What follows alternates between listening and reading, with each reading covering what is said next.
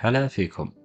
في بودكاست عقل وروح من وحي المعرض الرياض الدولي للكتاب عام 2022 نتحدث عن القراءة كممارسة روحية. لا يختلف اثنان على ما للقراءة من أثر على الفكر والعقل وما لها من أثر على النفس من حيث التوسع وامتلاك الإجابات المقنعة بحكم البحث والاطلاع والتدقيق في المصادر. ولكن بعض القراء وهم فئة خاصة لهم نظرة أخرى وقول آخر وتصور مختلف.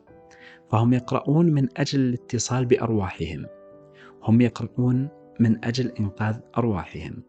هم يقرؤون لأن القراءة تأخذهم لأماكن رحبة يلفها ضباب لذيذ. القراءة ممارسة روحية لدى البعض. يسافر القارئ من خلال الكتاب إلى عوالمه الخاصة ويعيد قراءة الكتاب من حيثية روحية خالصة. يشترك فيها النظر والشم حيث تحضر رائحة الورق وتشكل مزيجا من الكرنفال الكلاسيكي مع رائحة الخشب والقهوة وزخات المطر على النافذة. القراءة ممارسة روحية إذا كان القارئ مستعدا لذلك. لا تنفتح الآفاق الروحية لكل القراء كما ذكرنا. ولكن بالإمكان معالجة هذا الأمر حتى يصبح سجية بمرور الوقت. الكتاب ليس وعاء للمعرفة وطبقا باردا من المعلومات بل سراجا وهاجا ينير لروحك الطريق نحو المزيد من الوعي والحضور والرقي الروحي. هل من الممكن أن يكون للكتاب روح؟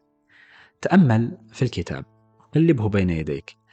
اقرأ الجمل التي تروقك بحساسية عالية محاولا الاقتراب من فكر الكاتب وتاريخ الكاتب وبيئة الكاتب.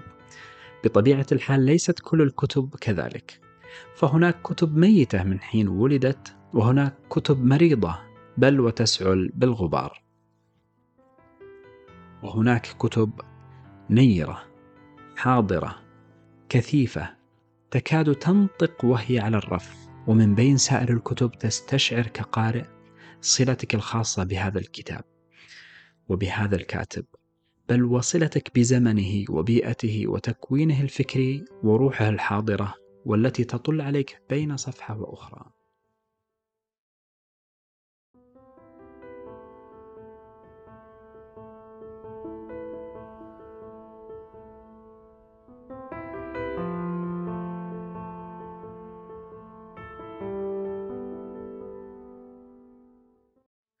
تأمل معي هذا المشهد المتكرر لدى بعض القراء. يدخل القارئ الجيد لمكتبته ثم يمر على الكتب يمنة ويسرة ثم يسحب أحد الكتب برفق ويتحسس غلافه بحنو ثم يوقظ مصباحه ويسحب كرسيه ويفتح نافذته ويحضر كوب قهوته وينغمس في كتابه حتى الهزيع الأخير من الليل من دون أن يشعر بمرور الوقت. ثم ينهض إلى شرفته فيقطعها ذهابا وإيابا وهو يستشعر اختمار ما قرأ في ذهنه فتتوالد الأفكار. بل قد يكتب قصيدة أو يرسم لوحة أو ينام فيحلم أنه زار مدينة من مدن التاريخ العجيبة. فسي... فيستيقظ وقد انتظمت لديه باكورة رواية عظيمة. إن تلاقي الأرواح من خلال الكتب وتلاقح الأفكار من خلال الكتب ليس امرا غريبا ولكنه نادر الوجود. ولا يكون إلا لأفراد من العالم في حقب متفرقة. إن العلاقة الروحية بالكتب هي التي تنتج النبلاء والأدباء والمثقفين الأصليين. إن الكتب القليلة العظيمة هي التي صنعت التاريخ وهي التي ألهمت الأرواح الشفافة لتصدر ادابا واعمالا ما زالت تسير بها البشرية. لا يوجد فيلسوف ولا مفكر ولا عالم يعبر عن مكنونات الروح الإنسانية إلا وهو ممتزج روحيا بالكتب. إنه اللقاء الأثير بين روح القارئ وروح الكاتب وروح الكتاب. إنه الثالوث المباح والتداخل المفيد واللقاء الأثيري الصالح لبناء الحضارات وبث روح الرقي في المدائن. فمن نحن بلا كتب؟ ومن نحن بلا أرواح؟ ومن نحن بلا مفكرين عظام؟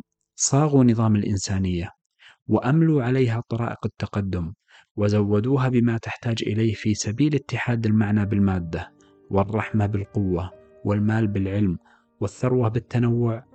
فالثراء المادي لا يدوم ولا يعني شيئا إن لم يقترن به الثراء الروحي والذي يسمو بالإنسان للآفاق الخالدة.